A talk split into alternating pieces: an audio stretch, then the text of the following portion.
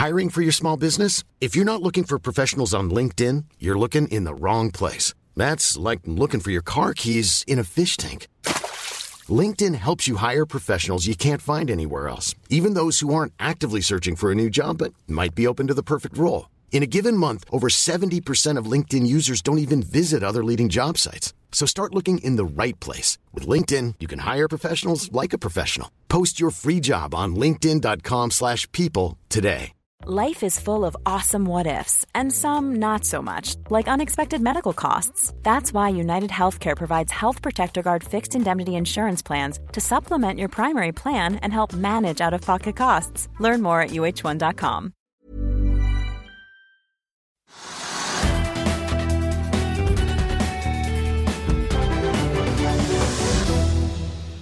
Og velkommen til ukens siste utgave av Økonominyhetene. Vi skal rett over på Oslo Børs, der hovedindeksen er opp med 0,3% etter å ha beveget seg på minussiden tidligere i dag. Oljeprisen stiger noe, men har likevel også vært eh, under 40 dollar fatet. Eh, og den mest omsatte aksjen på Oslo Børs det er Quantafuel. Hva er det som skjer der, Trygve?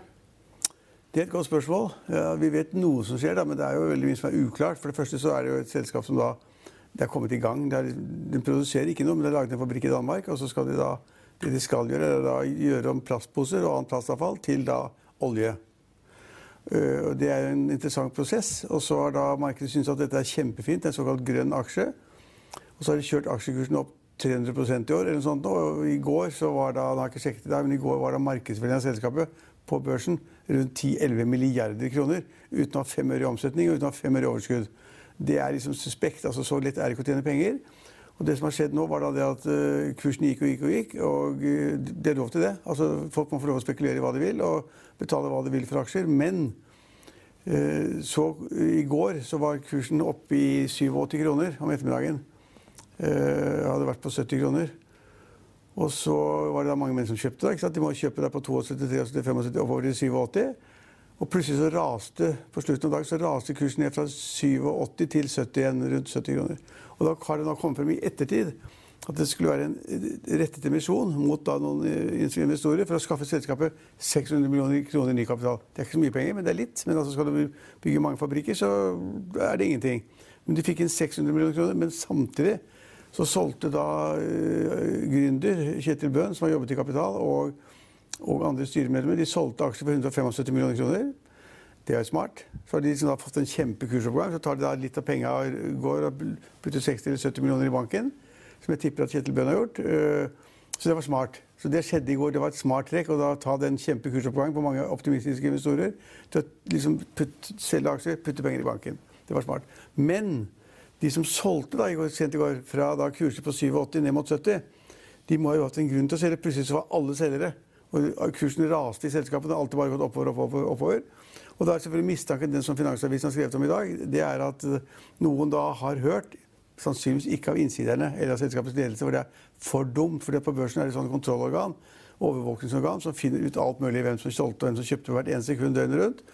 Men noen har da solgt aksjer fra 87 og nedover mot 70, som da var emisjonskursen. Og de har sannsynligvis da fått høre av noen at nå kommer det en emisjon. Emisjonskursen er 70 kroner. Det er lett å få greie på. Eh, og så har de tenkt at hjelp, kursen står i 87. Jeg holdt på å kjøpe på 87, kanskje 90, kanskje 100, kanskje jeg kjøper ordre inne på 90 eller 95 kroner. Og så har de kastet aksjene ut i markedet, ser det ut som. Dette vet vi jo ikke, det er bare min antakelse. Og så falt kursen pga. det. Og da, hvis de har handlet da på innsideinformasjon, de som da solgte og så, La oss si at en eller annen solgte en aksje til 87 kroner da, til deg, og du kjøpte den og du hostet, hostet opp 85 kroner eller 87 kroner, da er du da villet av selgeren. Og da har den som har solgt det, solgt på innsideinformasjon. Da kan man få seks års fengsel i Norge. Det var en lang forklaring. Det er en ganske viktig sak. Ja. Det er det mest omsatte selskapet, og det er en kjempekursoppgang. Og noen sier at det er en fantastisk god idé uh, å produsere da, olje av plastposer. Men jeg har sagt mange ganger at jeg tror ikke det er en god idé.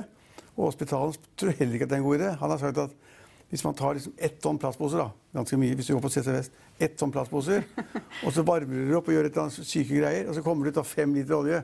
Da er det bedre å kjøpe oljen i, i Midtøsten, hvor da liksom raffineriene kan produsere 200 000 fat hver dag. Billigere. Billigere. Så liksom det, Regnestykket går ikke opp. Men de som tror på det, de som har satt i gang, de må jo tro på det. Og det gjenstår å se hva det koster å produsere den oljen. Og hvordan, hvor mange hundre tusen lastebiler de skal ha i en svære porter hver dag for å helle i noen store kar eller noe annet og lage, lage da olje av plast. Det gjenstår å se. Jeg liker at vi har CC Vest som referanse her. Men øh, jo, fordi det var jo da øh, I går så var det opp 20% på det meste, og var da mest, nest mest omsatt aksjen etter Equinor. Og det er jo litt rart, fordi at øh, altså du ser jo øh, Quantafuel har jo da vært sånn ca. 9 milliarder, mens ja. Equinor har vært 500 milliarder og omsettes altså ja, den ligger jo alltid på topp der. Ja. Eh, men, men, i dag er kursen ned. Da, ja, ja, fordi det er det. I dag så er jo da kursen ned med 8% og handles for rundt 67 eh, kroner. Og så var da emisjonskursen på 70 ca., som du sa. Men hvor lang tid tar det før man finner ut av hva som egentlig skjedde i går?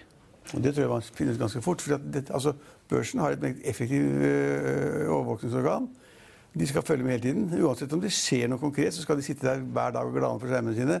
Om det er en rar utvikling, i et kjøp- eller salgsordre. Øh, så det tror jeg de finner ut veldig fort. Altså Hvem solgte aksjer da på 87 kroner eller 85 kroner eh, i, i, går eh, ettermiddag? Klokka tre til fem eller sånt. Nå.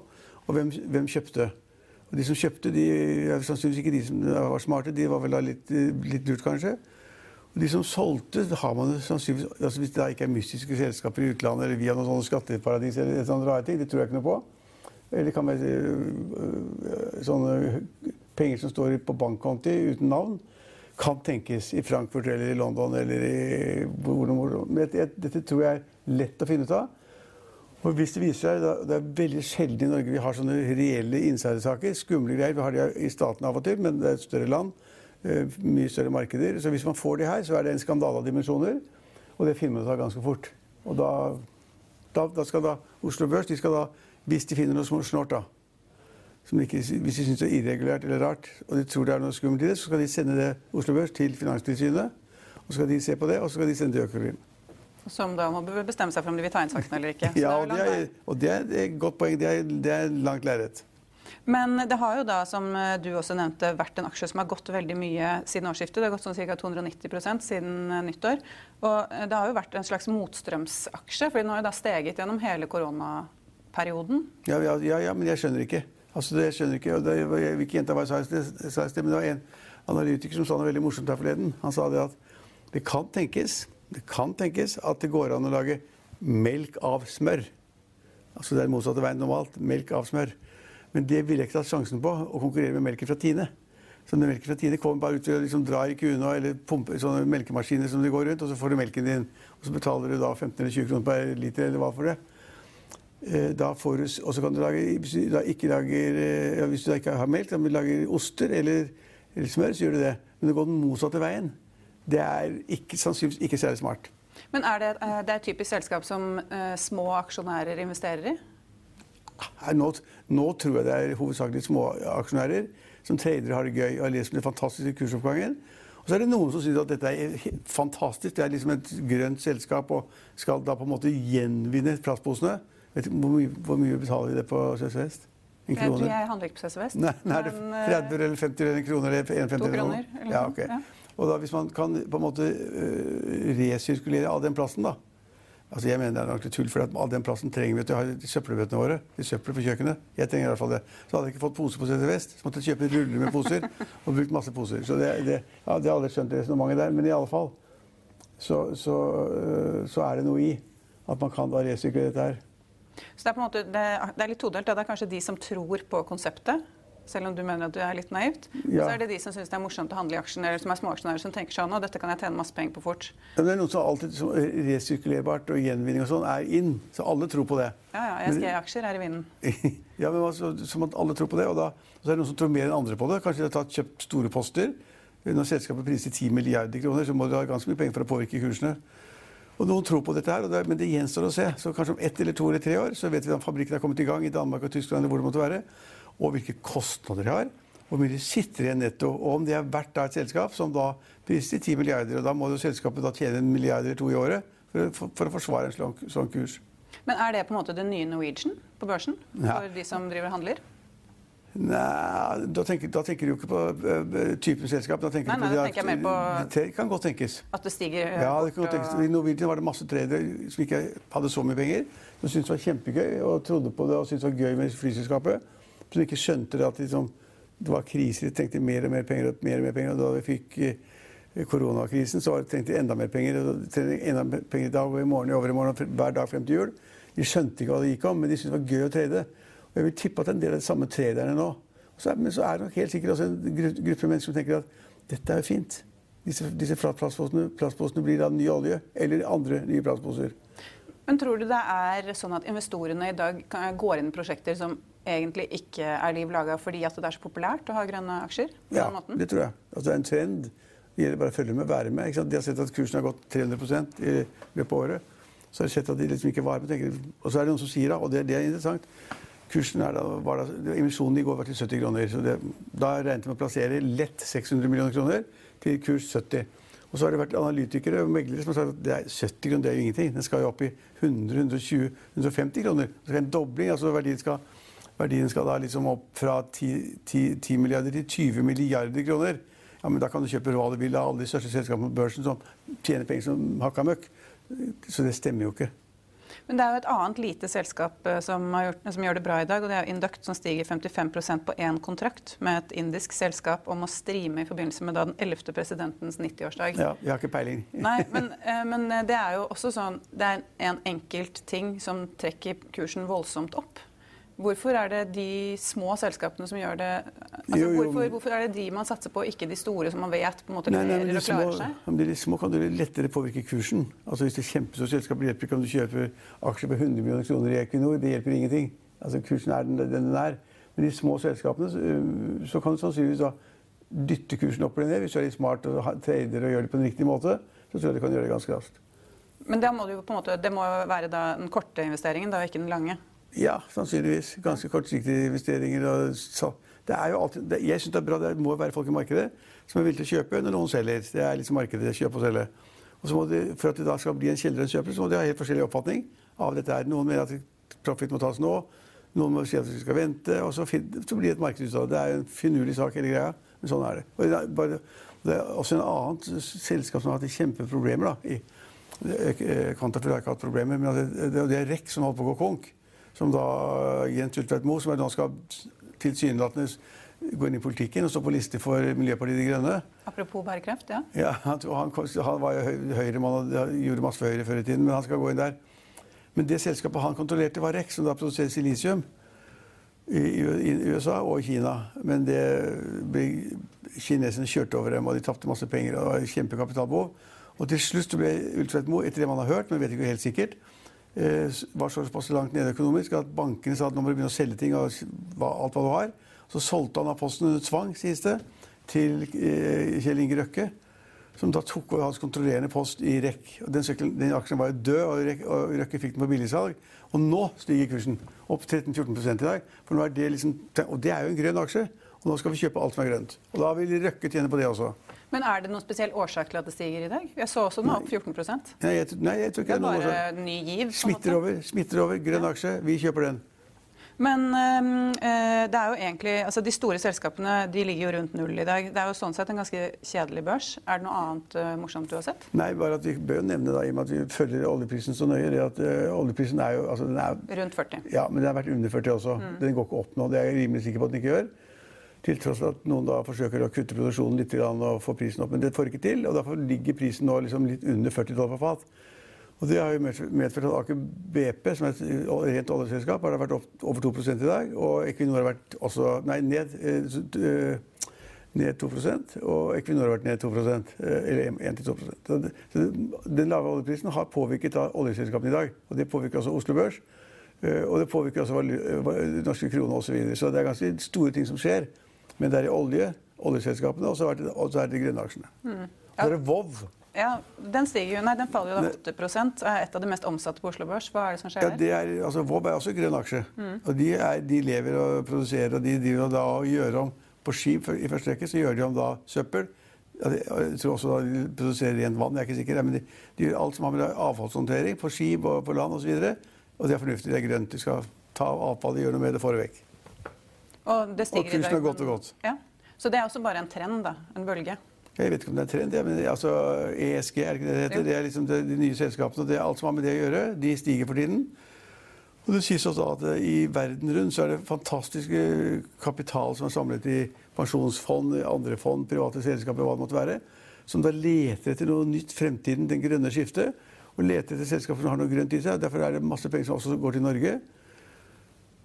Og da går kursen opp. Og det er vel også sånn at De kanskje har i sine retningslinjer eller mandater da, at de skal faktisk plassere så og så mye penger i såkalte ESG-aksjer. Ja. Og Derfor så blir, blir, jo kursene trukket opp. Ja, det blir trukket, de blir man leter etter steder å plassere ja, ja, pengene sine. Det er et godt poeng. Det er, det, det, det er de som sier at Equinor, som er liksom landets største selskap, viktig olje- og gasselskap, at de liksom ikke skal bruke penger på å produsere olje eller gass mer. Ikke lete mer heller. Ikke bruke mer seismikk, ikke gjøre noe annet. Ikke bruke borerigger. Bare slappe av og liksom la det synke ned til ingenting, olje og gass. Og så skal de bruke alle investeringene sine på havvind eller sol eller hva det måtte være. Ja, for går, Det var vel i går at det kom en nyhet om at eh, Equinor har solgt av 50% av et havvindprosjekt til BP for 10 milliarder. Ja. Så de får jo penger ved å selge det videre, da. Ja, ja, absolutt.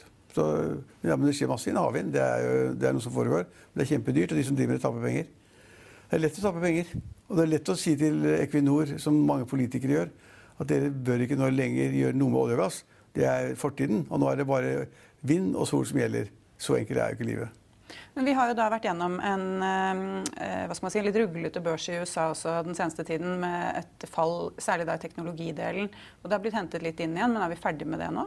Ja, Det er et veldig godt spørsmål. Altså, jeg tror ikke vi er ferdig med den korreksjonen. for Børsen gikk for mye. De var priset til liksom 100-200 ganger fortjenesten.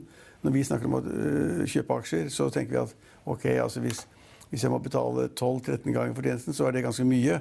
Får jeg aksjer billig, så betaler jeg kanskje 7-8 ganger fortjenesten.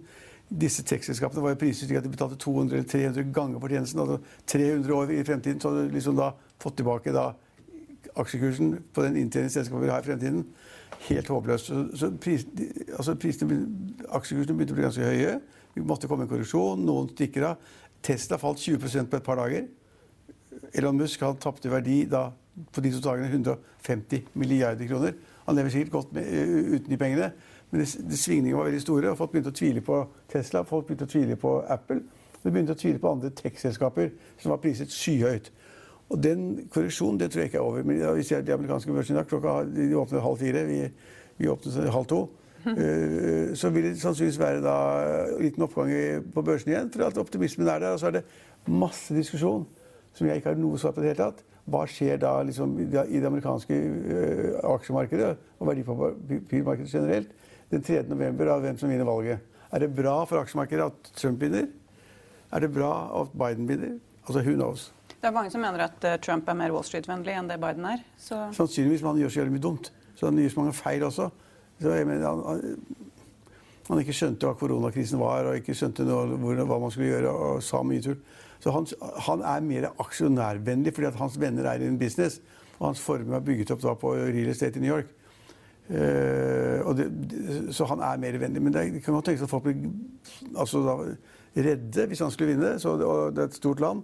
Og de, de, som sier at Biden er negativt til aksjemarkedet, de sier noe så veldig enkelt som alle Man bør ikke gå på Handelshøyskolen for å forstå det.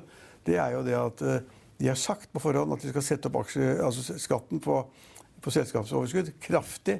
Og de skal sette opp da skatten på utbytte kraftig. Og det er klart at Hvis hele business environment hvis de da tenker at med Biden så, er, så, så kommer aksjekursene rase rundt oss, så vil de som har aksjer eller har formue eller pensjonsfond eller hva, hva, som helst plassert i det aksjemarkedet, de vil bli redde, og så stemmer ikke på Biden. Men vi får jo se, da, for Han har jo vist seg å ville inngå kompromisser tidligere med republikanerne. Så det kan jo at han er, han er jo litt mer sentrumsorientert. Ja, han er det, men altså, De har gått så kraftig på den skattesiden. at Det er det folk er redd for. At Hvis Biden kommer til, til makten, så vil han på en måte rasere Wall Street og sette det på spissen. Ja. Det, er, det er normalt ikke sånn. Det er en mellomting. Men, men, det taler for at man da ikke vil ha Biden hvis du er liksom interessert i verdipapirer. Og de som har aksjer eller har sparepengene sine satt, eller pensjonen sin satt i aksjemarkedet, de, de, mener da at Trump vil da komme med skatteregler og andre regler som gjør det lettere for business å leve. Men så er det da alle de som jeg mener er den tredje, tredje gruppen, de som mener at Trump er mer eller mindre gal. Og at han gjør så mange feil at det er en fare for da verdensøkonomien, fare for internasjonal handel, fare for internasjonal helse, fare for alt mulig rart. Og det har de litt rett i. Men da får vi se hva de stemmer, om de stemmer på, med, på vegne av aksjene sine eller på vegne av landet sitt. Da, ja, men det er ikke rart. Altså, I Amerika det er, de har mye dårligere pensjonsordninger enn oss. Det er ikke så rart at de som da på en måte har plassert sine sparepenger etter et langt arbeidsliv, jobbet til 70 år eller sånn da, har plassert i aksjemarkedet eller i pensjonsfond eller i aksjefond, så vil de jo tenke på det. da. Det er, liksom, det er fremtiden din. Hva skal vi gjøre? Men, så Vi tror altså ikke at korreksjonen er over, og vi tror heller ikke at historien om Quantafuel er over. Det var det vi hadde i dag. Vi er tilbake på mandag klokken halv fire. Ha en flott helg.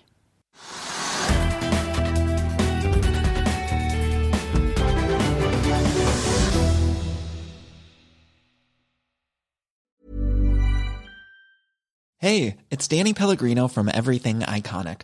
Ready to upgrade your style game without blowing your budget? Check out Quince. They've got all the good stuff shirts and polos, activewear, and fine leather goods, all at 50 to 80% less than other high end brands. And the best part? They're all about safe, ethical, and responsible manufacturing.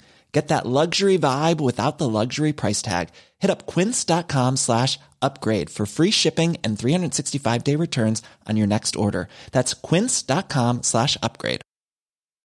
When you need mealtime inspiration, it's worth shopping Kroger, where you'll find over 30,000 mouthwatering choices that excite your inner foodie. And no matter what tasty choice you make, you'll enjoy our everyday low prices, plus extra ways to save, like digital coupons worth over $600 each week. You can also save up to $1 off per gallon at the pump with fuel points. More savings and more inspiring flavors make shopping Kroger worth it every time. Kroger, fresh for everyone. Fuel restrictions apply.